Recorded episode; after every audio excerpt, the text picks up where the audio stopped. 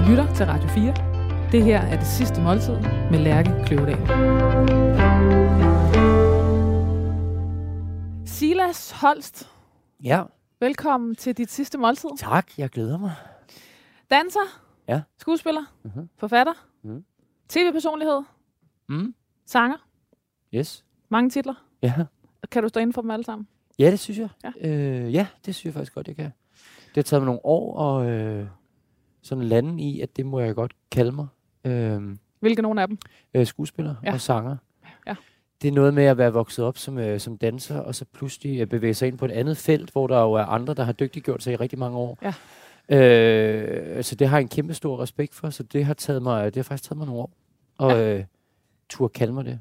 Men nu øh, efter virkelig mange produktioner. Ja, jeg synes du er- efterhånden, at, ja. at jeg godt må nu. Øh, og nu har jeg ikke længere kun dans som, øh, som mit levebrød. Nu, nu er det ligesom et, et samsurium af alt det øh, fine, du læser højt. Ja.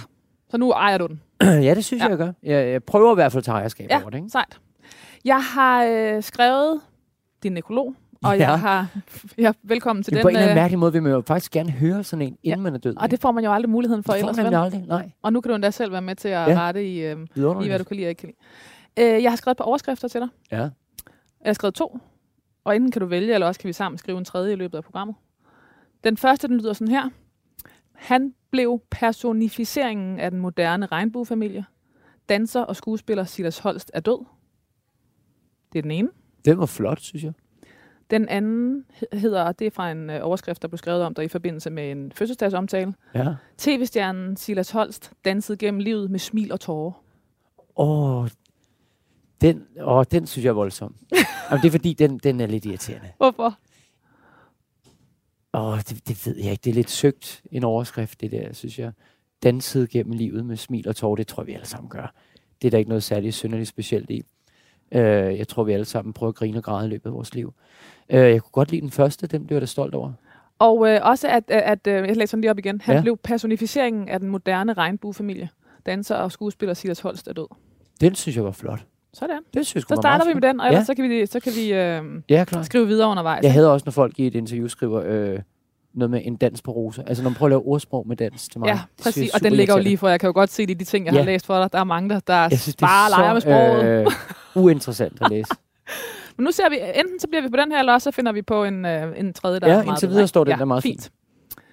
Silas Holst var en af Danmarks absolut dygtigste dansere. Han var uddannet danselærer, Danmarksmester i latinamerikansk dans, og havde, fik, og havde en lang række hovedroller i landets største musicals. Blandt andet West Side Story, Grease, Anything Goes, Book of Mormon, Dirty Dancing og Kinky Boots. Og Kinky Boots, altså jeg anede ikke, det er din premiere i dag, Det er premiere i dag, om få timer. kl. 19.30. Så Jeg, jeg fatter slet ikke, at du sidder her. Det er noget med, det er en god måde at holde nerverne i ro på. Ja. Øh, og jeg vågnede også i morges, og, og jeg har jo fri. Man har jo altid prøvefri på premieredagen. Og så vågnede jeg derhjemme sammen med min kæreste, og, og så havde jeg været vågen i 10 minutter, og øh, så sagde vi, vi bliver simpelthen nødt til at, at gå en tur. Vi, vi er nødt til at gå ind til Ja. byen. Jeg kan ikke sidde her. For så begynder det jo, og det er jo alt sammen kun, øh, det er kun glæde. Øh, men så begynder det at vælte ind med sms'er fra kollegaer og venner, der kommer ind og ser det i aften med pøj pøj, og vi glæder os, og vi ses bagefter, og, og alt muligt andet, og, og vælter ind på sociale medier med lykønskninger og sådan noget. Og det er jo virkelig dejligt, men så det er ikke nerver, det er fordi, jeg glæder mig sygt meget Ja. til klokken bliver 19.30. Altså tiden, det kan næsten kun gå for langsomt. Hvad er det der. for en rolle, du skal spille i Kinky? Ja, men det er faktisk... Øh, det er det vildeste, jeg har prøvet i mit liv, synes jeg faktisk. Sådan en karriere, teatermæssigt. Det er, øh, jeg spiller jo en drag queen. Så på den måde er det jo et helt nyt øh, område at bevæge sig ind i, end jeg har været vant til før. Jeg har spillet, som du selv læste, jeg har spillet Johnny i Dirty Dancing, og Danny i Grease, og Tony Manero i Saturday. Altså alle med Y. Billy og Bobby og Tony og Johnny og, og Danny. Og nu spiller så Lola. Som Også jo, kæmpe øh, macho-roller alle sammen, ikke? Ja, ja, som jo er Ja. indbegrebet af en stor læderjakke? Ja. Og, og noget brylcreme i håret, og der er ud af. Øhm, og nu spiller jeg så, altså det er diametralt modsatte. Nu spiller jeg en drag queen, som er i den grad i kontakt med sine feminine sider. Ikke? Øh, og det synes jeg på mange måder har været grænseoverskridende at arbejde sig ind i. Og jeg kommer endda fra et hjem, hvor, hvor der er højt til loftet, og man måtte være fuldstændig som, det har jeg altid lært. Men alligevel er jeg jo også vokset op i sådan en uh, elitesportsdanserverden, hvor drenge jo er drenge, og piger er piger. Det er helt gammeldags kønsrollemønster. Og hvor man jo søger det ybermaskuline i sin dans, kontra piger, der søger det yberfeminine. Så, så på en eller anden måde Ja, er det nærmest jo... karikeret også, Ja, ikke? Altså også i Ja, til ekstremerne. og, ja. Så det er jo noget med, at man har lagt bånd på de der. Jeg tror, alle er jo født med feminine og maskuline træk i sin krop, uanset hvilket køn man er. Men der er jo noget med, at have lagt bånd på alle de der feminine øh, træk, fordi de har ikke på den måde været øh, ønsket i den verden, jeg har befundet mig i, sådan rent sportsmæssigt. Og der er jo, øh, på en eller anden måde har jeg jo længtes efter det, for jeg har jo godt kunne mærke i en tidligere, at jeg var homoseksuel, og måske var, var lidt mere i kontakt med de sider, end mange andre mænd er. Øh, men det har bare været et no-go. Og på en eller anden måde som 39-årig, så er man i det nu. Øh, nej, 38 er jeg sgu kun. Øh, så er jeg i det nu. Øh, og det er enormt frisættende på en eller anden måde, men det er også vanvittigt grænseoverskridende, fordi det er så øh, sårbart øh, og kommer meget øh, langt indefra i mig selv. Så det er enormt, man føler sig enormt blottet i det, selvom jeg har 8 lag makeup på og, og glitterkjoler. Det er enormt Og øh, 14 sårbart. cm høje 14 hæle. cm flotte hæle. Øh, så jeg vil sige, vi har haft to forpremiere med publikum, og, og det er ikke lykkedes mig at komme igennem uden at græde. Altså som Silas, og ikke som rollen endnu. Hvad er det for nogle scener, der rører dig? Jamen, der er, øh, der er primært sådan to sange, som jeg synger i forestillingen, som er to ret store ballader, øh, hvor den ene handler om, øh, om noget faderaccept. Øh, og den ligger jo øh, skræmmende tæt på mit eget liv, den historie i den sang. Så, så det sætter jo klart nogle private tanker i gang også. Ikke at jeg ikke har fået min fars accept, men, men min far og jeg er meget som nat og dag. Øh, jeg blev homoseksuel og var showdanser, og han er elektriker og lystfisker. Ikke? Øh, så det er jo to forskellige øh, områder, vi har bevæget os på. Så på den måde har vi set ting meget forskelligt i vores liv, og så har vi så på en eller anden måde fundet hinanden i min fars efterår nu. Øh, så, så der er meget, der ligger mig enormt nært i den sang. Det er lidt ligesom øh, Silas på 12 år står og synger til sin far og siger, please bare elsk mig. Øh, og den er sgu hård at komme igennem, kan jeg mærke. Og så er der en... Har øh, han set uh, forestillingen? Nej, min far øh, har desværre fået øh, galopperende Alzheimer's, så han er på et øh, plejecenter i Vordingborg, og øh, har nået sådan en stadie i sin sygdom, hvor han ikke altså længere er til stede. Øh, og så har jeg en sang i anden akt, hvor jeg står i en kæmpe øh, balkjole, som skulle til bal med øh, Askepot. Og så kunne jeg mærke, og det var jeg sgu ikke rigtig forberedt på, men da jeg stod i den, og havde sunget den der powerballade, som det er, helt alene på scenen, så gik publikum amok. Og det var jo selvfølgelig dejligt, men det var sådan en følelse af, af frihed, var simpelthen så overvældende, at jeg ikke kunne være i det, øh, som bare væltede mig. Øh, hvor jeg, ej, hvor er det det der. Øh, som bare væltede mig om kul af en følelse, jeg har ikke behov for at gå i dametøj i mit privatliv, men en følelse af, det måtte jeg faktisk godt, Mm. mm. hvis jeg havde lyst til Mm. det. Og det var øh, frisættende på sindssygt mange måder. Altså simpelthen en, en, en, en fuldstændig accept. Ja, og det, Af, det, hvor- synes hvordan jeg... end øh, du ville have lyst til at have været. Ja, Ja. ja, og det er altså sjældent, jeg synes, man støder ind i, øh, i sådan 100% følelse af accept Mm. i vores samfund. Ja. Det synes jeg, det er. Jonas, hvad skal vi have? Ej. Jamen, øh, det er jo faktisk måske den perfekte timing i forhold til, hvor vi er. I, På året? På året. Ja. Er det det? Det er det. Det er nu. Fordi det er nu. Det er lige præcis nu. Og hvis jeg siger, at det er lige i starten, eller starten midt februar, så ved de, de fleste, tror jeg næsten godt, det er stenbiderovn. Sådan. Jamen, Yes. er det ikke lækkert? Stenbiderovn med hakket rødløg, creme fraise, 38 naturligvis, Genialt. og stegte blinis. Simpelthen. Men, og den er, jo- den er jo, øh, den er jo den er- helt fersk lyserød. den er lidt Den fersk. er den lysere, der. end Ja, jeg ikke? synes, jeg har set før. Ja. Ja, det kan være, være noget med sæson, og Ja. det, det kan være, hvordan, hvordan det lige er. Og en Øhm, ordentlig røvfuld. Ja, En der, ordentlig der, røv. Der er ikke mangler ikke, på vil jeg det. sige. Jeg Det vil er sige, at det er lige uh, prime season, og øh, der er rift om det, og jo mere rift der er om det, jo dyrere er det. Sådan, så, Så, det er øh, også en øh, ordentlig dollarbestilling, den her. Ja, ja, det skal Det det, er godt. være, ikke? Det er jo Fedt. det sidste gang. Det ser absurd øh, lækkert ud. og, og nu tænker jeg, I har lidt vand og sådan noget, og du har også lige en kop kaffe til Ja. at starte med. Øh, så, så tager vi drikkevaren til den næste. Det er så den passer fint. nemlig perfekt til den næste. Okay, Det er så flot. skide godt. Fedt. Hvor, tak. Tak, for mad. Hvorfor skal vi have stenbider? Øh, jamen, det skal vi, fordi det er sådan en ret, der, øh, der har fulgt mig hele mit liv. Det, det er sådan en familieting. Jeg er et meget stort familiemenneske, og, og når jeg spiser, jeg fik det også til min konfirmation til forret øh, på eget valg. Øhm, der er noget med det, det her øh, måltid, det er sådan nogle øh, familieture på Bakken, øh, i bundestuen, den restaurant, der var derude, hvor min mor kendte ejeren, som nu desværre død.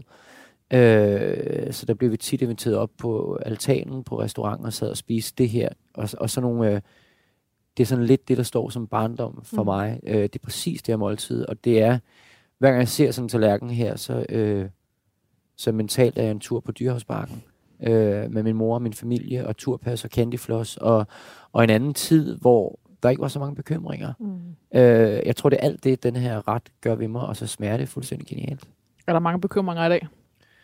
Ja, det synes jeg hører med til at blive voksen. Det synes jeg faktisk, det gør. Det hører med til at få børn. Så synes jeg konstant, der er bekymringer. Der er konstant noget ansvar, der skal placeres et eller andet sted, som øh, man jo konstant er... Det er jo en følelse af, at man hele tiden er nybegynder i at være forældre. Man lærer det aldrig helt. Og der er ikke sådan en facitliste, så man, man møder konstant nye udfordringer, som jeg ikke er vant til at tage stilling til. Så man er jo altid, synes jeg, i, i tvivl, om man gør det rigtigt, eller om man, man skyder helt ved siden af målet. Ikke? Og i går kom min datter hjem fra skole og sagde, min lærer siger, at du har givet mig en forkert bog med de sidste fire dage, far. Og jeg tænkte, åh, jeg er den far. Jeg, jeg er den frygtelig dårlige far, der pakker en forkert taske hver morgen. Altså, jeg, jeg er en dårlig far. Og der skal så lidt til, før man føler sig som en dårlig far, ikke? Øh, ja, jeg, jeg synes, der er, der er mange bekymringer. Der er også mange glæder ved at blive voksen, men der, der var også noget vidunderligt at være 11 år, ikke? At blive taget med på bakken og, Og bare være med på bakken, ja. Og kun tænke, om man skulle i karusellen eller øh, ja. blæksprutten. Det, det var ligesom det. Du, du øh, lige da du kom ind ad døren, så talte vi kort om øh, det her med, at du har haft et liv, hvor du har været på kur hele dit liv. Ja. Altså som danser, eller også som, øh, du ved, menneske, hvad jeg ved at sige?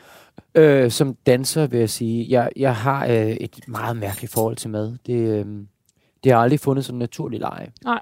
Øh, og det hænger helt klart sammen med at have været sportsdanser som barn, og, og altid være lidt til den runde side. Øh, og få at vide fra gentagende mange trænere, at, at jeg var for stor til at blive det, jeg drømte om, altså at blive Danmarksmester. Og hvis jeg ville det, skulle jeg tabe mig sådan og sådan og sådan. Og, og det har jo fucket lidt med ens hoved som barn, fordi det er jo en voksen, der siger, som, en voksen, man stoler på, der siger det. Så som, som øh, teenager, der udviklede jeg, nu vil jeg ikke sige spiseforstyrrelse, for det var det ikke. Øhm, men jeg begyndte kun at leve af gulerødder og ærter, for eksempel i en lang periode, og, og smed mad ud øh, og gemte det i min skoletaske, så jeg kunne smide det ud næste dag i skolen, så min mor ikke opdagede det. Spise på mit værelse. Øh, prøvede at øve mig i at kaste op en gang imellem for at få det ud. Altså sådan helt derud endte jeg. Og inden det nåede at sætte sig som spiseforstyrrelse, opdagede min mor det gudskelov. Hvad gjorde hun? Øh, jeg gik i hvert fald ikke til dans der længere, hvor Nej. jeg havde gået til dans. Hun tog en, øh, det, vi kalder en lang voksen samtale med øh, vedkommende, og så stoppede jeg der. Øh, og Fordi hun da, havde selv en danseskole. hun havde selv en danseskole, men der stoppede jeg, da hun ikke følte, hun kunne lære mig mere. Og jeg skulle et andet sted hen, hvor niveauet var endnu vildere. Øh, og man når også et punkt som teenager, hvor man ikke har lyst til det ens mor, Selvfølgelig. der, der underviser Men, en. men mere for at sige, at hun kørte måske en anden, øh, det, var, det var en anden type øh, er du sindssygt? undervisning, Det var, hun kørte. ja, 100. Min mor er, jeg kan kun sige smukke ting om min mor. Altså hun er, er indbegrebet af et vidunderligt menneske. Det er hun, og en genial mor, og, og der er kun gode ting at sige. Øhm, og så kom jeg et sted hen og dyrkede min sport, hvor der var sundt og rart at være. Men den periode har sat sig ret meget. Også fordi det er formative år, ikke? Jo, jo, det er sindssygt, og der er noget enormt farligt i at være en, en voksen pædagogisk øh, øh, type, og have så meget magt over et ungt barn, eller et ungt menneske. Øh, det sætter sig bare. Jeg, nu er jeg øh, sådan en, der er, hvad er jeg, 179 høj og vejer 72 kilo, og kigger stadig på mig selv og tænker, der er en bid vej nu. Og så slår en rationel hjerne til, og så ved jeg godt, der ikke er en bid vej nu. Altså, så ser det fint nok ud, som det ser ud nu. Er det i Øhm, perioder, når du er presset, at det melder sig? Nej, det er primært, når jeg laver forestillinger. Så øh, starter jeg, og det har ikke noget med at være tynd at gøre. Det er noget med at have en krop, der helt fysisk kan holde til det arbejde, jeg har. Øh, så når jeg er i øh, produktioner, så kører jeg en, en altså benhård øh, diæt, som er uden kulhydrater og uden sukker og uden alt det der, som primært er proteinbaseret. Øh, og det er ikke for at tabe mig, det er for at vide, jeg har, øh, det er det, jeg kan mærke, min krop fungerer bedst i, og kan præstere bedst, og kan holde til presset øh, så lang tid, som det nu varer. Øh, og når denne her periode så slutter med forestillinger, så ryger jeg tilbage til at spise alt, jeg synes, det er rart, for jeg elsker mad. Jeg har lige lyst til at læse en, øh, en bid op for dig, Ja. øh, fra øh, lige præcis det her med, hvor mange øh, funktioner det egentlig er, du skal kunne øh, at råde, eller Nå, ja. mestre. Ja. Øhm, det er fra Berlinske Jakob Sten Olsen her fra Mhm. 2022. For at få rollen som Lola i Kinky Boots, var der en hel masse krav, der skulle opfyldes for overho- overhovedet at få lov til at spille den. Man skulle for eksempel have haft fire forskellige bærende øh, hovedroller øh, i store produktioner. Man skulle kunne ramme tonen og danse i en hæl. Et hav af kriterier. Øh, de krav opfyldt Silas Holt som en af de ganske få herhjemme. Altså, der er noget med, at jeg tror, man på Broadway kalder det triple threat. Mm, altså, ja. at, at man som, øh, som skuespiller, som danser, man skal kunne danse, man skal kunne øh, synge, man Ja. skal kunne spille. Ja. Og, øh, og det er der, øh, der er jo selvfølgelig større tradition for det i USA, end der er herhjemme sådan historisk. Klar. Men at der herhjemme jo simpelthen ikke er særlig mange, der, der, der, der kan alle Ja, de her jeg synes, ting. vi bliver flere og flere. Øh, I og med, at vi også har et vidunderligt musical akademi i Fredericia, som uddanner nye hvert år, som er pivdygtige. Så der er gudskelov, hele den der bølge, synes jeg, er begyndt og har været der nogle år nu, hvor jeg rent faktisk føler, at man som musical skuespiller også begynder at få respekt fra andre, fra kollegaer, hvor for nogle år siden, da jeg startede, der blev det set på som om, at det var sådan noget B- B-liste arbejde. Og sådan er det ikke mere. Og det er jo i takt med, at vi, vi har fået flere og flere producenter, som laver flere og flere dyre forestillinger, som bliver større og større, flottere og flottere, folk bliver dygtigere og dygtigere. Øhm, og det er jo det, der sælger flest billetter i landet. Ja. Hver evig eneste år, det er musicals, fordi Danmark gider det godt. Så Danmark har i virkeligheden været lidt, altså de har været sen på aftrækkeren, ikke? Jo, og så har der været en manglende respekt omkring faget. Ja, og så har der været en manglende seriøsitet, tror jeg også. Men også det der med, at jeg går ud fra, at de her krav, det er jo nogen, der er kommet fra øh, producenten på, Ja, på ja, ja. Broadway. Ja. Øhm, og det der med, altså, øh, at fra, og du siger, gå fra at være, jeg ved, at du siger det selv, har været, det har været sådan en øh, mindre fint, eller, Ja. øh, at så er det lige pludselig sådan, hallo, der, der er sindssygt få, der kan udfylde den her rolle Ja. her- herhjemme.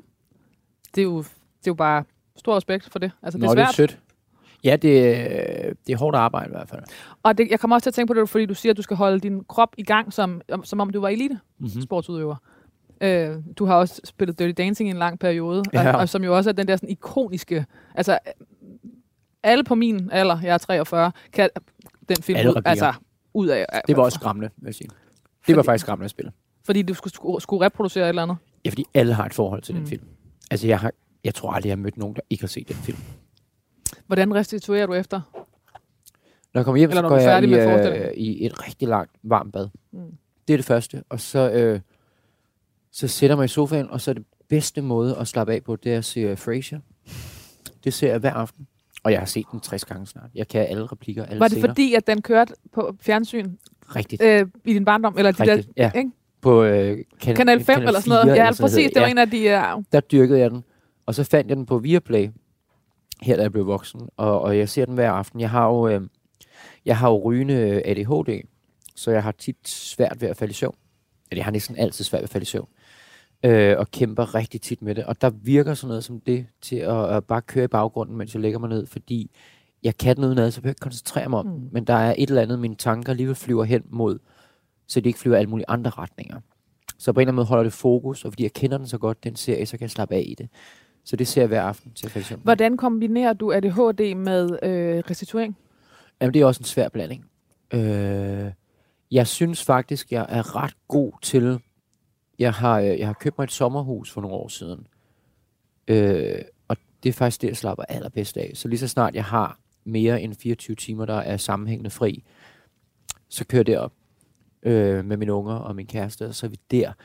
Og der indfinder sig en helt naturlig ro og fred. Øh, for der er man så langt væk fra alting. Så der er det bare ild i pejsen, og, og så slapper man af. Og man skal ikke nå noget. Så slapper jeg af. Og det har faktisk en virkning. Altså, du ved, der er sådan noget mental Ja, ja, rejse derop, og Jamen, der er noget, i- ligesom når man kører motorvejen, så kører man gennem skov og strand resten af tiden. Og der sker et eller andet ret Mm. skønt, hvor min hjerne kobler fra på 20 minutter. Og så kommer man ned i sommerhusgear, Mm. og det er lækkert. Men, øh, men jeg tænker også sådan helt, altså for det der med at have en krop, der er så øh, hårdt spændt for Ja. så mange af, af dine vågne timer, Ja, og så ikke engang at kunne få, du ved, øh, foræringen i, at den hjælper dig med at falde hurtigt i søvn. mm-hmm. Det må være hårdt det arbejde. er også tavligt. Ja, det er Det er vildt tavligt skruet Ja. sammen. Ja. Øh, helt vildt tavligt. Jeg er også tit virkelig rasende på mit hoved. Hvad gør du ligger så derhjemme, før du skal sove og blive sur på dig selv? Ja, det gør jeg tit, og tit bruger jeg jo tre timer på at falde i søvn, og jeg synes jo egentlig, det at have ADHD, det ser jeg egentlig som ret meget som sådan en superheltekraft. Det er sådan en superheltekappe, man kan tage på, synes jeg. Fordi man kan jonglere med rigtig mange bolde i luften, og, og være til stede i rigtig meget, selvom der sker rigtig meget, fordi man bliver enormt god til at multitaske, fordi hovedet bare stikker af i 16 retninger, non-stop.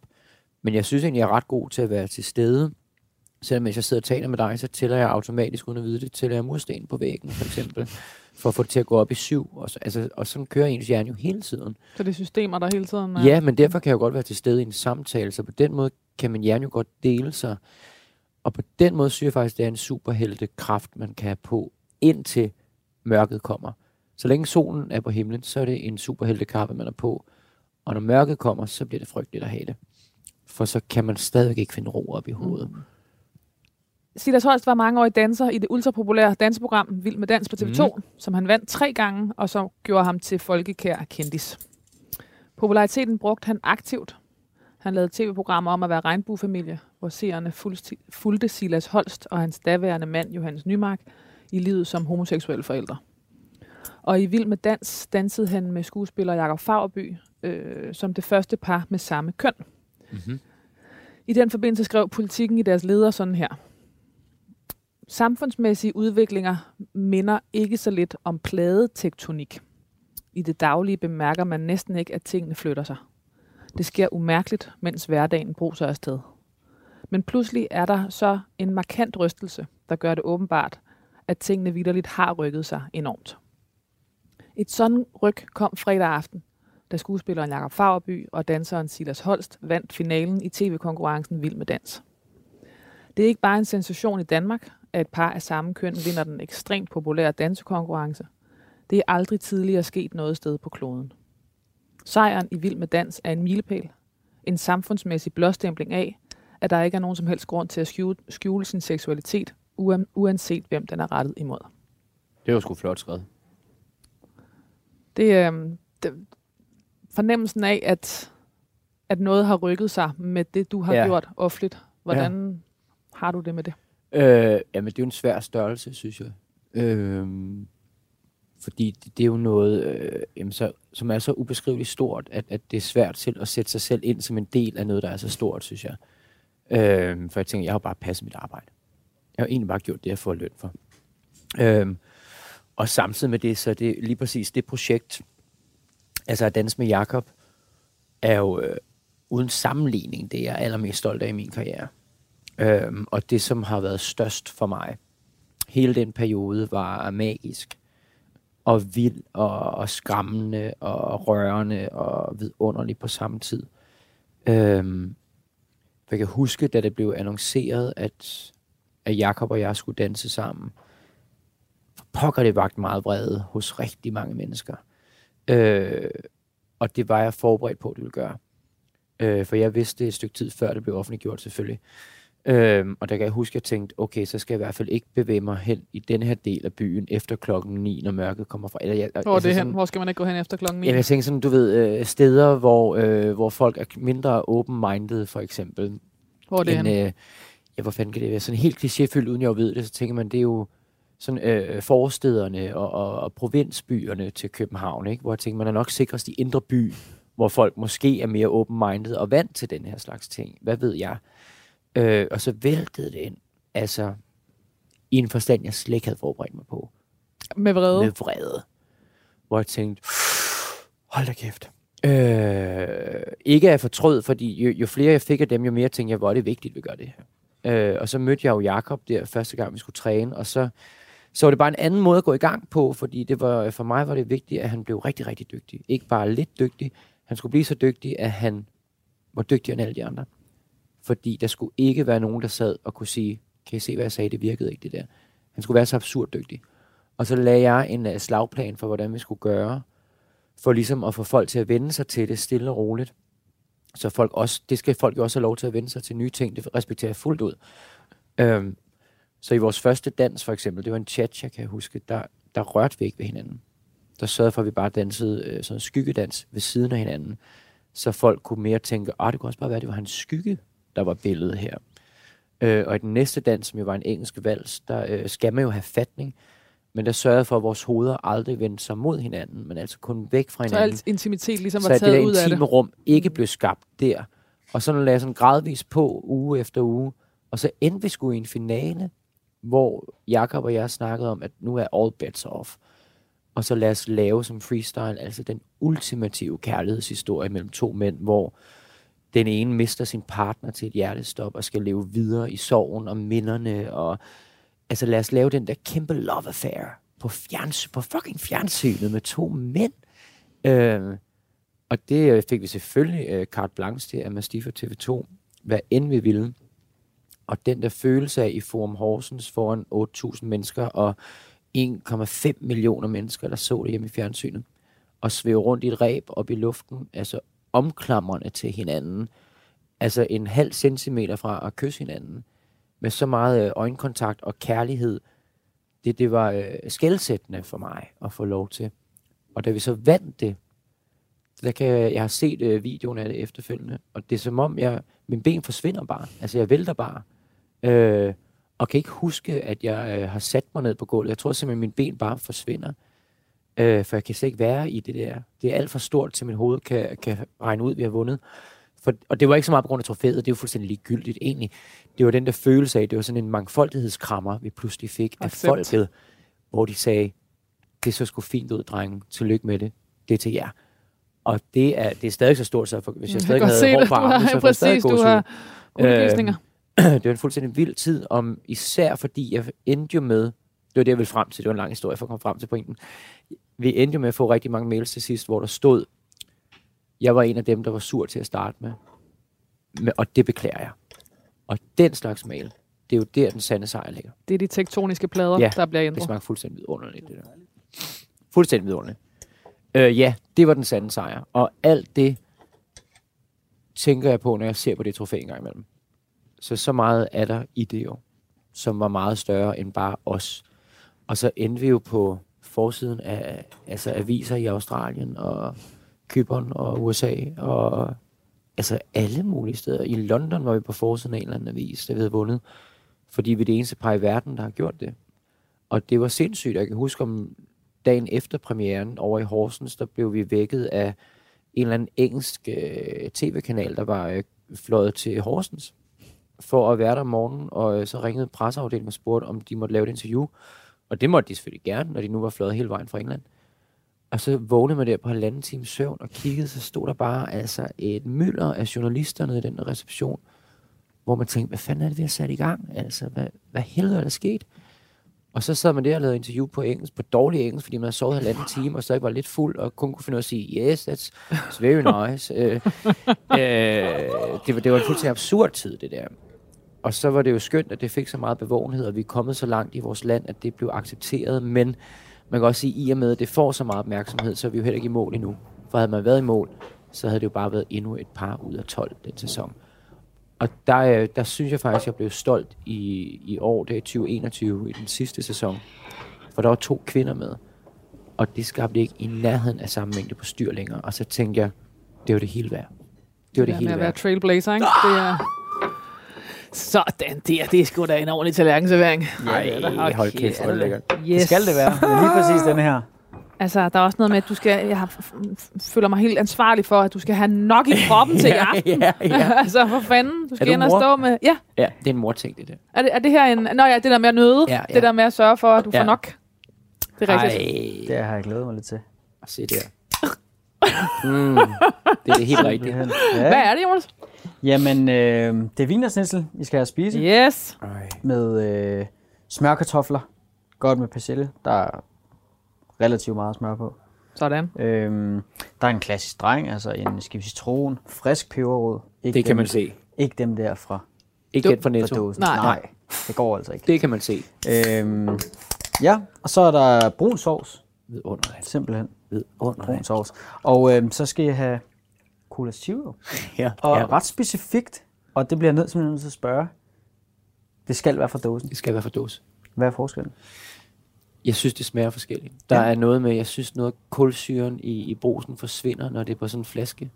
Ja? Jeg, jeg ved ikke hvorfor. Nej, okay. Og det er sikkert op i mit hoved. Jamen altså, Altså, for der er jo måske er der nok ikke forskel, det, eller jo. måske er det sådan en placebo, jeg ved det ikke. Det smager bedre, når man drikker cola, der Ja. kommer fra en dåse. Ja. Det synes jeg, det gør. Jeg øh, vil til hver en tid, hvis man ikke havde cola på dåse, så siger jeg nej tak til cola. Ja. Og jeg drikker Jeg er faktisk Cola enig med Zero. dig. Det smager bare bedre. God cola Men der. det er, det er Sådan. 100 gange bedre på dåse. Ej, det ser absurd Hvorfor, ud. hvorfor uh, snitslen for, hvorfor, Silas? Det er bare min livret. Sådan. Der er ikke så meget Nej. længere i det. Hvis man skal servere et decideret godt måltid Ja. mad for mig, så er det præcis den her tallerken. Det er øh, det absolut indbydende, bedste mad, der findes. Det er også noget med barndomsminder at gøre, jo. Det er det jo helt 100. Øh, jeg kan godt lide panering. Sådan. Ja, den er ikke så meget længere. Jeg kan godt lide paneret mad. Og det tror jeg er, fordi for mig er det sådan enormt syndfuldt.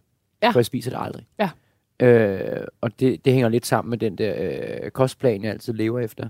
Så når jeg endelig skal synde, så, øh, så det eneste, jeg tænker, jeg har lyst til altid, det er noget med panering. Ja. Og så er jeg faktisk ligeglad om det er kylling, oksekød har eller flæskesteg. Jeg er faktisk ligeglad, Ja. hvad der bliver paneret. Øh, eller en fiskfilet. Jeg er bedøvende. Bare der er panering. Det og er- det er, er min syndfulde øh, sted at gå til. Det er det her. Tror du nogensinde, at dit hoved holder op med at være på kostplan? Nej, det tror jeg desværre ikke.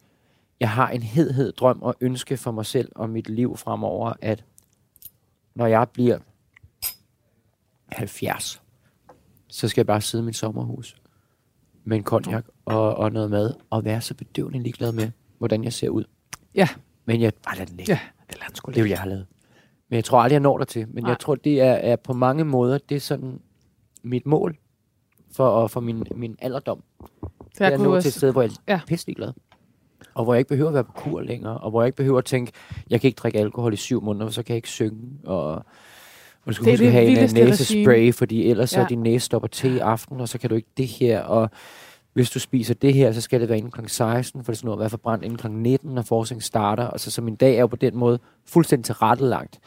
Og det her vil aldrig ske, hvis du ikke du havde inviteret mig i byen. Jeg vil aldrig have spist det her. Men jeg har også altid fået et godt råd på en premieredag, at, at man skal altid på en premieredag sørge for at gøre noget eller købe noget, som man ikke har brug for, men bare noget, man har lyst til. Og det tænker jeg, det er perfekt at gøre på en premieredag, det her. Og, og spise op, spise alt det her. sådan. Og Ja. så vil jeg hellere gå ud og løbe øh, en halv time i aften, inden forestillingen starter. Er der noget med det der, altså det, øhm, fordi at alle reglerne, så, øhm, det, handler, det taler vel også ind i ADHD'en, ikke? Jo, altså, 100. 100. Øh, så, det, så det er jo også det, øh, så kan man måske tage din jobfunktion eller din professionalisme ud af dig, når du på et tidspunkt ikke skal det mere. Men kan, man kan vide, hvor meget der bliver siddende, fordi det også Ja. handler om dit hoved, der vil skabe systemer. 100. Jeg vil sige, der er jo noget i, da jeg fik tilbudt den her rolle, for eksempel til Kinky Boots, det gjorde for øhm, et år siden. Øhm, og så kunne jeg jo høre, hvis jeg blev ved med at ryge, så ville jeg ikke kunne nå den høje tone, for eksempel. Og jeg røg 25 smøger om dagen. Så da øh, teaterdirektøren ringer og tilbød mig det her, så da jeg lagde på, så var jeg ikke i tvivl om, at hvis jeg sagde ja, så var det også, fordi jeg ikke skulle ryge mere. Mm. Og da jeg lagde på, så har jeg ikke rørt en cigaret siden. Og jeg var dybt afhængig, så min hjerne kan jo godt de der, når der bliver sat system i at sige, det er en nødvendighed, Silas, for du kan det her. Det er en nødvendighed, du smider 14 kilo, for ellers skal du have et korset på i de her kostymer. Så er det ikke det syge. Så kan jeg sagtens afholde mig fra det. Hvordan tænker du om andre, der ikke har samme disciplin? Øh, jeg kan godt blive ret irriteret, faktisk. Øh, det kan jeg faktisk godt, og det, øh, det skal jeg jo ikke, for det er jo deres sag. Øh, og det har jo som sådan ikke noget med mig at gøre. Det prøver jeg at lære mig selv hele tiden. Men jeg bliver røvirriteret. Hvis folk, jeg har ikke noget mod, jeg vil, jeg behøver ikke at arbejde kun med dygtige mennesker. Jeg har ikke noget mod at. Jeg ser ikke ned på folk, der ikke er særlig gode til deres arbejde. Men hvis folk markerer på deres arbejde, så bliver jeg rest på det arbejde, hvor jeg også befinder mig. Jeg, øh, jeg vil langt hellere danse med dansere, der kun kan lave én drejning i stedet for fem drejninger. Jeg vil langt hellere spille med spillere, som ikke nødvendigvis spiller øh, særlig godt, men knokler for at spille godt, end jeg vil spille sammen med nogen, der står og feder den. For er der noget, der pisser mig af, så er det. For jeg bruger al min energi, mine vågne timer på at fokusere på, at i aften skal jeg levere det her til 900 mennesker, der har betalt 600 kroner mind you stykket for at se det her. Hvor våger man så at gå ind og markere? Øh, og det, det kan jeg ikke. Og det har også noget med opvækst at gøre. Jeg kom fra et hjem, hvor jeg sagt mig lært mig knokler for pengene. Og når man gør noget, så gør man det. Mm. Uanset om man har fortrudt undervejs eller ej, men man gør det sat med. Øh, og man hopper ikke fra. Og man møder op, og man møder op i god tid. Og man møder op forberedt. Alle de der helt grundlæggende ting er blevet øh, stoppet ind med modermælken hos mig. Så hvis folk markerer eller kun yder 50%, fordi vi er lidt trætte i dag, så har jeg lyst til at få folk fyret. Med det samme. Det kan jeg Så ikke. går du til yderligheder. Så bliver jeg simpelthen så provokeret. Det er noget, der kan provokere mig aller, allermest. Sidder, jeg skal bare lige spørge dig, sidder du og tæller de her ærter, Silas? Øh, nej, lige- nej, det er godt. det er for uoverskueligt projekt. Trods alt. Ja, jeg tæller kartoflerne. Okay, fordi de er lidt større. Øh, det er lidt større, det er nemmere og hurtigere forestået. Og så kan man slappe af, så er det gjort. Okay. Jeg kommer fra den her øh, meget flotte omtale i politikken, der handler Ja. ja. om, at det er en øh, samfundsmæssig blåstempling af, at der ikke er nogen som helst grund til at skjule sin seksualitet, uanset ja. hvem, den- øh, hvem den er rettet imod. Så går jeg videre sådan her.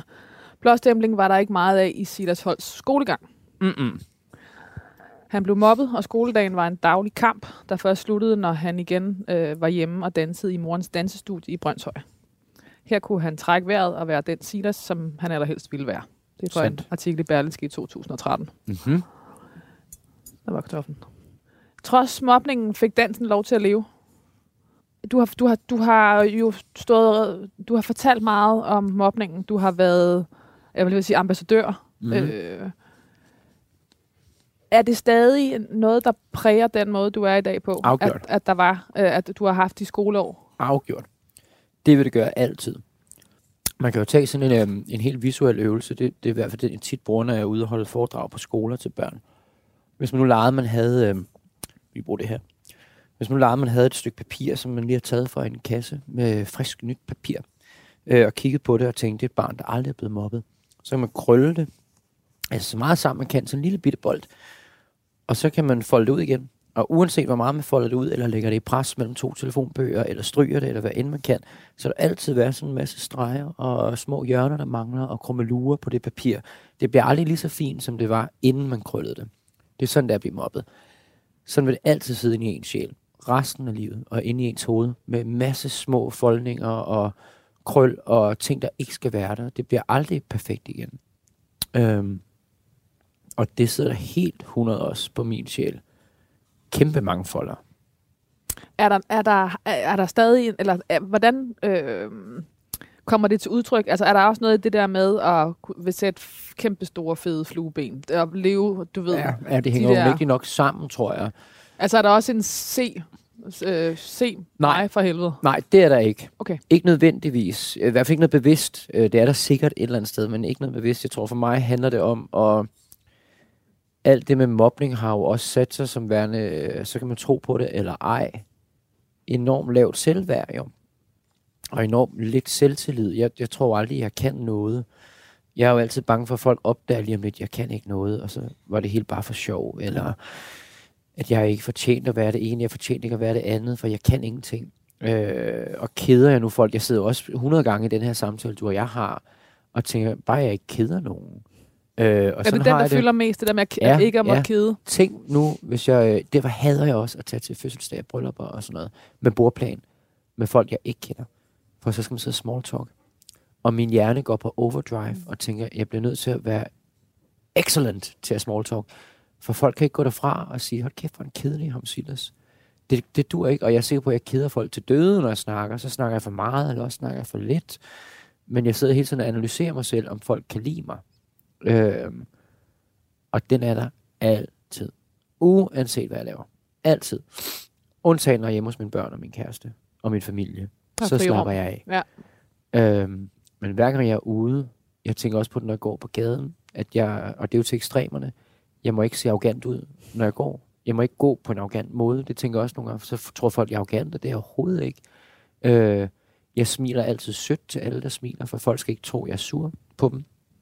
Øh, jeg giver mig altid tid til en krammer og en snak, uanset hvem, der vil have et kram eller et billede på gaden. Det gør jeg også, fordi jeg synes, det er hyggeligt, og jeg godt kan lide det faktisk. Men, Jeg kan godt lide at møde over, folk. Overarbejde på alle ting. Men jeg ved, hver gang jeg går ud af mit hjem, så er jeg på arbejde. Øh, og det er der ikke nogen, der forlanger af mig overhovedet, andre end mig selv. For jeg vil ikke have, at folk skal synes, jeg er fesen. Bekymrer du dig øh, om den dag, hvor øh, der er alle mulige gode grunde, ikke er forestillinger hele tiden? Øhm, både og. Så tænker jeg også, at jeg lever en anden slags liv, end jeg gør nu. Når forsynger ikke er der mere, og de kommer jo til at... Jeg er meget bevidst om, at jeg har en krop, der vil blive ældre. I den, i den øh, branche i hvert fald. Og også meget bevidst om, at det, jeg kører nu, slutter inden for et par år. Og har også lyst til, tror jeg, det slutter inden for et par år. Inden Fordi- det bliver patetisk. Fordi min krop snart ikke kan det mere. Øh, fordi det begynder at gøre ondt rigtig mange steder. Øhm, men jeg har også en klar idé om, at når det liv slutter, så, så lever jeg heller ikke så offentligt et liv mere, for jeg har ikke behov for at være en offentlig person. Jeg er det i kraft af mit arbejde, men når mit arbejde forsvinder, så har jeg ikke behov for det.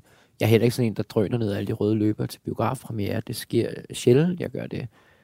Øh, så stiller jeg til gengæld op til alle de interviews, der er, når det har noget med mit arbejde at gøre. Øh, eller sådan en snak som det her, når der er noget lidt mere på spil, end bare at få taget et billede i noget smart designertøj. Det, det siger mig ikke det store. Øhm, så jeg er også sikker på, at den del af mit liv forsvinder, når teater og, og fjernsynslivet forsvinder. Og det har jeg virkelig heller ikke noget imod. Øhm, fordi så skal man jo øh, genopfinde sig selv på en ny måde, og det tror jeg er skide sundt at gøre. En ny skuffe. Ja, det tror jeg, det er. ja. Sådan var det en følelse, jeg blev skilt i hvert fald. At nu skal du genopfinde dig selv. Og det var hårdt, og det var frygteligt, og jeg græd som pisket. Men da man var færdig med at græde, så skinnede solen lige pludselig også væsentligt skarpere, end den har gjort længe jo. Øh, s- s- jeg, jeg sidder og tænker på, om det også var sådan med den, med du ved, en, en barndom, hvor du blev mobbet, men der, der, øh, øh, der føles det så uoverskueligt, ikke? Eller der er øh, længden er Jo, jeg tror, jeg indså ret tidligt i mit skoleforløb, at det skulle bare overstås der. Det skulle bare lave, ja. Ja. Og det kunne jeg godt selv klare. Det behøvede ikke involvere min mor og far i det her. Og det var en dum beslutning, men jeg var heller ikke særlig gammel. Men der er jo noget i, når man er 6 år gammel, det eneste, man ikke vil, det er at skuffe sin mor og far. Der må for alt i verden ikke have, de skal sidde og være ked af det. eller nervøse. Ja, eller nervøse, så den tænkte jeg, den klarer du selv. Mm. Øhm, Hvor tror du, det kom fra? øhm, ja, det ved jeg. Jeg tror simpelthen, det kommer af, at jeg synes, det var pinligt. Det var helt vildt Men, pinligt at men blive som, som, drillet. som så lille. Jeg synes, det var så pinligt at være ham, der var mærkelig. Øhm, så det var der ingen, der skulle vide. Jeg, jeg gik også i et med væggene, så der ikke var nogen, der råbte af mig for en andre elev over i skolen, for det var så pinligt. Øhm, og så kan jeg huske, at jeg begyndte at sætte streger i mit penalhus og tælle ned. Helt fra jeg gik jamen, i børnehaveklasse, har jeg lyst til at sige. Så fandt jeg hurtigt ud af, at der var cirka 200 dage på et skoleår. Og så gangede jeg det med 10, og tænkte, det er 2.000. Og så kunne jeg bare tælle ned og tænkte, det er bare 2.000 dage, Silas. Og på et tidspunkt nåede jeg jo til 1.800 og tænkte, åh, nu er vi tættere på. Og sådan satte jeg en streg hver dag. Øhm, Så systemer kom ind i dit liv tidligt. Ja, så jeg talte ned allerede fra jeg gik i børnehaveklasse, til jeg vidste, jeg skulle ud af 10. Ikke? Det var sådan 10 år, hvor jeg bare talte ned. Og tænkte, det får snart en ende, og det skal ikke vare for evigt. Men det er en nødvendighed for at komme videre i livet. Hvad for et liv havde du derhjemme?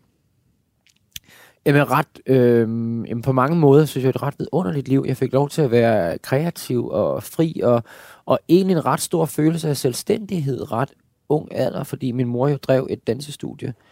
Øh, havde så købt et stort hus, så vi boede i samme hus, som danseskolen lå. Men hun var jo tit i stueetagen, og jeg var jo i lejligheden sammen med min bror på første. De, de skilte dine forældre, Mine forældre blev skilt af Ja. fire. Gudskelov. Øh, fordi det var et dårligt Ja, det var match. frygteligt. Okay. Det, det kunne, selv fire år kunne se, det var Okay. helt af helvede det der. Øhm, og der var jeg da meget, øh, fik jeg lov til at være meget af tiden på mit værelse, og, og, og se tegnefilm, og se fjernsyn, og, og alle de her ting, som jo har øh, fanget min nysgerrighed til at, at have lyst til at gå den vej, og, og spille store danske film, og, og lave tegnefilm, og alt det der, som jeg synes var spændende. Øh, og fik også min mad ind på værelset, så sad jeg der og spiste, og Men også fordi maden var besværlig. også fordi mad var lidt besværligt, og, og samtidig havde jeg en mor, der løb op og ned ad trapperne hele tiden for at tjekke, at vi var cool nok. Og, så jeg, og man var altid velkommen ned under. Der sad jeg jo også tit og så alle de her voksne mennesker, der dansede og, og blev dygtige, og tænkte, åh, det er et fedt liv, det her. Og samtidig har der aldrig været et pres fra min mors side af, hvad jeg skulle blive til. Aldrig. Andet end hun så, at du kunne danse. Ja, Det men der har aldrig have. været et pres om, jeg skulle have en uddannelse, inden Nej. jeg gik dansevejen. Der, der har aldrig været nogen, der har tvunget mig til andet end det, jeg synes, det var fedt at lave. Hvordan var relationen til din far? Øh, svær, synes jeg. Det synes jeg faktisk, den var. Jeg var sådan en weekend, hver anden weekend barn hos min far. Øh, og min mor bosatte sig i Brøndshøj, i sådan en helt klassisk familiekvarter med sine to sønner, mig og min storebror. Og min far fandt en ny kone øh, og boede i en lejlighed på Istegade. Så det var jo også en diametral øh, modsat verden at komme til hver anden weekend. Så boede jeg på Helgolandsgade, som lige ligger på hjørnet til Istegade, ved Hotel Absalon, lige over for det. Og der boede vi hver anden weekend, og det var jo på en eller anden måde spændende at være i Indre By, men også uhyggeligt, synes Det var jeg. stadig mega rough, hvis det har været. Ja, ja, det har været Istegade sådan var øh, vild i Slut 90'erne, 80'er, start øh, Slut 80'er, 90'er. start 90'er, der var Istegade sgu vild. Øh, ja, der var, der var også smæk på. Så, så det var også forbundet med, det var også lidt uhyggeligt, og der er lidt utrygt, og min far arbejdede også om aftenen, så nogle gange var vi jo sådan, altså blev passet af min nye stemmors ældste søn, som jo var 17. Så var det jo mig og min bror, der blev passet af ham om aftenen i en lille lejlighed på Istegade, mens far var væk, og og det, og det var ikke altid lige sjovt, og så havde jeg jo en ufattelig stor hjemmevæg til min mor hele tiden, og havde svært ved at sove også dengang jo. Men der må Og også troede det var systemer, der, blev, men der, skulle, i der var 100 meget, der skulle tælles, Og når det er sådan noget, der, der jeg fandt ud af, at jeg havde ADHD, så var det også sådan nogle ting som det, der begyndte at give mening, og tænkte, ah, det er måske også derfor, du ikke går fat i søvn. For der var nemlig ingen systemer hos min far. Mm. Ville man have is til aftensmad, så fik man is til aftensmad. Det er fuldstændig gyldigt. Vi fik alt, hvad vi ville, for vi var der kun hver anden weekend. Så på en eller anden måde blev det også sådan et slaraffenland, for man måtte alt. Og hos min mor var der regler hele tiden, ikke? Øh, men min far og jeg har da set, bestemt set forskelligt på livet. Altid. Indtil han begyndte at få Alzheimer i sin sen alder, så, øh, så kommer der jo stadigvæk sådan et, øh, jeg skal passe på dig gen, for intet menneske fortjener at være alene. Op i en, og det er jeg enormt glad for at komme op i mig. Øh, Hjernen er vild, ikke? jo, det er så sindssygt. Ja. Så sindssygt. Øh, så, så han har da gjort en masse ting i sit liv, og jeg tænker, det ville jeg ikke have gjort. Øh, og som jeg, jeg prøver at søge mod ikke at komme til at gøre. Øh, men alligevel så fortjener han jo ikke at ligge der alene. Og ikke få besøg. Også selvom han ikke nødvendigvis er til stede længere. Har han accepteret, hvem du er, og hvad du står for? Ja, ja, det har han. Øh, og også da jeg sprang ud af skabet, det accepterede han også. Øh, og kørte rundt med et billede af mig og min daværende kæreste, drengekæreste, i sin øh, arbejdselektrikerbil, for ligesom at cementere over for sine kollegaer. Det er min søn, han er homo, jeg elsker ham, respekterer det, eller fuck ud.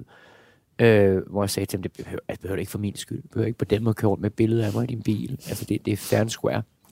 Øh, så han ville også gerne Mm. forstå det. Han ville gerne acceptere det, alt muligt andet. Ikke? Men jeg synes, vi begynder... Jeg ved ikke, om vi begynder. For min far er jo ikke på den måde øh, til stede længere. Øhm, og jeg synes også, jeg har taget afsked med min far. Det er det, Øh. man gør med den slags sygdom, ikke? Jo, det gør man. På et tidspunkt, det lyder råben, på et tidspunkt bliver man nødt til det, for ellers bliver man, ellers skal man ikke være i det mere. Og ham, der er der nu, er jo ikke min far. Altså, han er en skal på noget, der engang var min far. Men ham, der er der nu, er jo et enormt sårbart ældre menneske, mm. øh, som er fortabt på en eller anden måde. Og, og den person kan man ikke andet end at øh, passe på og, og give en masse kærlighed. Har det været rart for dig at finde den, den side af dig over Jeg tror, det ham? har været øh, livsnødvendigt for mig. Det tror jeg faktisk, det har. Um, for at komme til at føle mig som et helt menneske, når den dag ikke er her mere. Jeg tror, det har været rigtigt. Jeg er et stort familiemenneske, og at vide, at jeg nu synes, vi har fundet hinanden på vores måde, gør det hele lidt mere afslappet. en, synes so- en soning i livet. Ja. Øh, undskyld, så er det en gren med eller. Øh, ja, det synes jeg, og jeg tror, det er... Det giver jo en en mulighed for at kunne tage den afsked. Øh, som så på en eller anden måde bliver ægte og uden vrede. Og det er vigtigt for at komme videre. Også fordi det er dig, der skal leve videre. Det er nemlig det, der. Og det er mig, der skal bære ham ud af kirken sammen med mine søskende. Og det gør jeg også med glæde nu. Og det er vigtigt. Jeg kommer fra, trods mobningen, øh, fik Dansen øh, lov til at leve. Ja. Til gengæld undertrykte han i mange år, at han var homoseksuel. Mm. Som 14-årig blev han for første gang selv opmærksom på det. Han havde set Romeo og Julie med Claire Danes og Leonardo DiCaprio, Rigtigt. og var ulykkelig flere dage efter. Ikke over hendes, altså Julies Claire Danes død, men over Leonardos. Ja. Det har du sagt til Berlinske i 2013. Det er sandt, det var sådan, jeg fandt ud af, at jeg var homoseksuel. Er det rigtigt? Det var simpelthen Leo, Leo who did the job? helt skåret ind til benet. Det var der. Ja, det er rigtigt. Jeg, jeg så... Øh, det er den der Bas Lerman ved under Ja. ja. i Romeo og Julie. Øh, så i biffen, var deprimeret i flere uger. Fattede ikke, hvad der skete. Begyndte at få sådan en Shakespeare-sprog. Sagde eders i stedet for deres i min hverdag. Altså, stak fuldstændig af for mig. Og kunne ikke styre det, og kunne ikke regne ud, hvad fanden der foregik ind i min krop. Kunne bare mærke, at der skete alt muligt, jeg ikke kendte til. Og så slog det mig pludselig, at hver gang jeg tænker på den film, så tænker jeg på Romeo og ikke på Julie. Og det er sendt mod i sådan en seksualitetskrise, som jamen, jeg har været der At du 12 havde, år. du havde følt, du var til piger alt for meget, men nu er jeg til noget som helst som 12 Jamen, jeg tror, jeg var men, øh, 12, så jeg tror egentlig ikke rigtig, jeg havde taget stilling andet, end at det skal jo være, for det er man jo. Mm. Når man er en dreng, så er man jo til piger. og snakker om piger, og det er jo det, man gør. Og så slog mig pludselig, gud, det er det nok overhovedet ikke. Og så tænkte jeg, hvad fanden gør man så, og hvor går man hen med det, og hvad fanden gør jeg? Og så læste jeg på nettet, at der, øh, der stod rigtig mange steder, det var sådan en fase, kan jeg huske, men der var mange, der var i. Og der tænkte jeg, piv, det er bare en fase, det er overstået om 14 dage. Og det blev ligesom aldrig overstået. Og det, øh, prøv at forestille dig at være en, der er blevet mobbet og drillet hele livet, og så finde ud af, at der er endnu mere nu. Endnu mere skyts, de kan fyre af, og der er endnu mere, hvor man føler sig udenfor og føler sig anderledes. Hvor jeg tænkte, det er fuck, du er ikke også homoseksuel, kan jeg huske. Jeg tænkte, at, jeg tænkte, nu må du snart stoppe alt det her. Og jeg kunne ikke rumme mere, og der var så meget, og så det blev bare sådan en hemmelighed, jeg gik med og tænkte, at der for alt i verden ingen, der må Du havde ingen homoseksuelle omkring dig. Nej, jeg kendte ikke rigtigt til Nej. det. Øhm, og det blev vigtigt at være heteroseksuel. Selvom jo altså en blind har kunne se, at jeg var homoseksuel. Men kunne de andre se, at du var homoseksuel? det altså kom før du ikke selv som en kunne? overraskelse Ej, okay. for nogen. Men jeg mener, det, var ikke en del af mobningen. Jo, jo, det er sindssygt, det var en del af mobningen. Dengang jeg gik i skole, der måtte man jo også, når man var 3.G og gik ud af gymnasiet, og gudske, jamen det var en gåde, man måtte det dengang. Der måtte man jo lave dødslister, i hvert fald på vores skole, så 3.G kunne ligesom vælge de 10 elever ud på skolen, de ville jagte allermest med øh, vand på sidste skoledag. Og også skrive begrundelsen, og det blev trykt som store plakater, der blev hængt op over alt på skolen. Og på den top 10 liste figurerede jeg hvert år, fordi jeg var bøsse, stod der. Øh, og Og det var før du selv var kendt. Ja, og også da jeg var i gang med at kende det, og så blev det jo endnu mere nogen grænseoverskridende. kigger på noget, at man ikke var engang nogen, selv der kan stod, overskue. Der stod og læste, og så accelererede mobning jo endnu mere, for så var der flere, der læste. Det troede de, jeg var. Så begyndte de jo også at kalde mig for bøsserøv helt ned i 6. klasse, selvom jeg gik i 9. Og altså, det var mig en gåde, det lå sig gøre dengang, at man måtte. Det må man gudskelov ikke mere jo. Øhm, men sådan var det jo dengang. Havde du, no- havde du venner? Nej. Nej, det synes jeg faktisk ikke, jeg havde. Øh, jeg fik venner, da jeg begyndte i gymnasiet. Der fik jeg venner. To venner til at starte med. Som Men det er hed- også nok. Det er rigeligt. Altså, Det er rigeligt. Øh, som hedder Louise og Therese. De er stadig den dag i dag mine to bedste venner. Og Louise er mor til mine børn. Øh, og Therese er min allerbedste veninde. Øh, to venner er mere end rigeligt. Jeg tror, skåret ind til benet, det jeg vil kalde mine sande venner i dag, det kan jo tælles på to hænder, og det synes jeg er mange, der føler, at jeg er sygt heldig. Men jeg, jeg synes, jeg havde de to venner, der gik i gymnasiet, og der kan jeg huske som 15-årig, der, det var første gang, jeg følte, gud, er det sådan, det at have en ven? Altså, er det er det, det alle folk snakker om? Og hvor er det vildt at have? og hvad, hvad lå der i det for dig? Altså venskabet, hvad var det, Der du lå kunne det, mærke? at man jo rent faktisk kunne lette sit hjerte Ja. til nogle mennesker. Og det, øh, det fyldte jo alt. Pludselig kunne jeg fortælle, ej, hvor er du genial, altså. Hold op, mand. Hold op. Åh, Og så er det det er sindssygt. en irriterende lyd i radioen. Det, der. det, Nej, er det er- det. Det ser Det er virkelig ikke rigtig sikkert. Fuck, hvad Det er sker der? Det er turkis, det er brunt, hvad er det? Jamen, øh, det var helt specifikt. Ja. Og så er det jo, for det meste i hvert fald, relativt nemt. Det er brownie med chokoladeis og mint. Ja. Så det er faktisk en mintis og en chokoladeis. Og så er bare lige Så du swirlet dem sammen. Godt sammen. Fuldstændig genialt. Og så er der selvfølgelig, øh, eller jeg ved ikke om det er selvfølgelig, men Chokoladesauce. chokoladesauce Yes. og masser af det. Ej, det er perfekt, det Jeg der. starter der, og så Ej, har kæft, vi hvor ser det godt ud, det der. Ah, hvor er det skørt. Ej, så, og så var, kommer altså, helt lun, og så varmer Ej, isen, hold op. og hvad har vi? Perfekt, Jones. Og så noget kaffe på siden. Og kaffe med mælk. Ja, Tak for det. det her Således. Den her er kommer over til dig. perfekt dessert. Det her er perfekt dessert. Så er du der. Sådan. Så bliver, øh, så bliver livet ikke meget finere end det der. Skønt. Det gør det altså. Altså, Så se, hvad du gør ved mennesker, Jonas. Tak. Tusind tak. Ej, jeg, jeg må lige smage med det måltid. Det er jo det her måltid, jeg glæder mig til hele dagen. Det var en god bestilling, synes jeg. Ja, det var, Det en var ret en, fin øh, bestilling, det her. Mm. Okay. Ej, hold kæft. Ej, hvor er det lækkert. Jeg får godt med mælken. Er det ikke lækkert? Mm. Silas Holt, Silas Holt kæmpede livet igennem for retten til at blive accepteret, som han var, Mm. og var en vigtig og tydelig figur for mangfoldighed og den homoseksuelle ligestilling. Hvem har skrevet så fint om mig? Det er jeg. Er det rigtigt? Mm. Gud, hvor er du sød. Silas Holst efterlader sin forlovede Nikolaj Schwartz og sine to børn fra tidligere ægteskab. Æret være hans minde. Flot. Så skal det bare stå PS. Han var ikke en skid arrogant. Det er det eneste, der er vigtigt, der står. Men det kan, det kan ingen umuligt have tænkt, du var, når du smiler til alle og giver kram og selv. Jeg tror, der er mange, der synes, jeg er arrogant. Det er sådan en feeling, jeg har, at folk, der ikke kender mig, tror automatisk, at jeg er enormt arrogant. Og det er jeg overhovedet ikke. Det, har, det tror jeg tit er generthed, øh, bliver tolket som arrogance tit, tror jeg. Og 15 års mobning. Ja, jeg har slet ikke selvtillid nok til at være arrogant. Det har jeg virkelig ikke. Silas, hvad skal der stå på din gravsten? Der skal stå, øh, tak for dansen, tror jeg, der skal stå. Det tror jeg. Der synes jeg, det er rimeligt at tage dansen med ind i.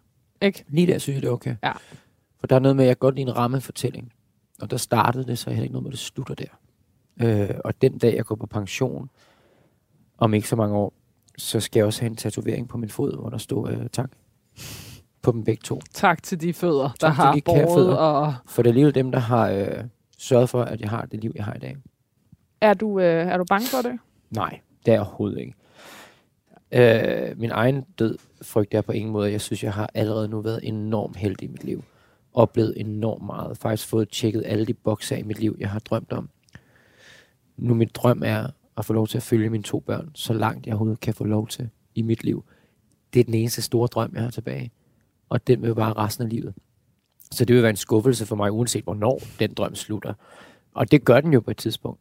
Men alt andet synes jeg faktisk i en alder af 38, at jeg kan sige, du nåede det sgu. Og det er jeg stolt over. Silas Sols, tusind tak, fordi du vil være min gæst Det er noget så sidste måltid. afgjort mig, der takker. Du har lyttet til Det Sidste Måltid på Radio 4. Alle udsendelser ligger som podcasts på radio4.dk, eller hvor du ellers finder dine podcasts. Tak, fordi du lyttede med.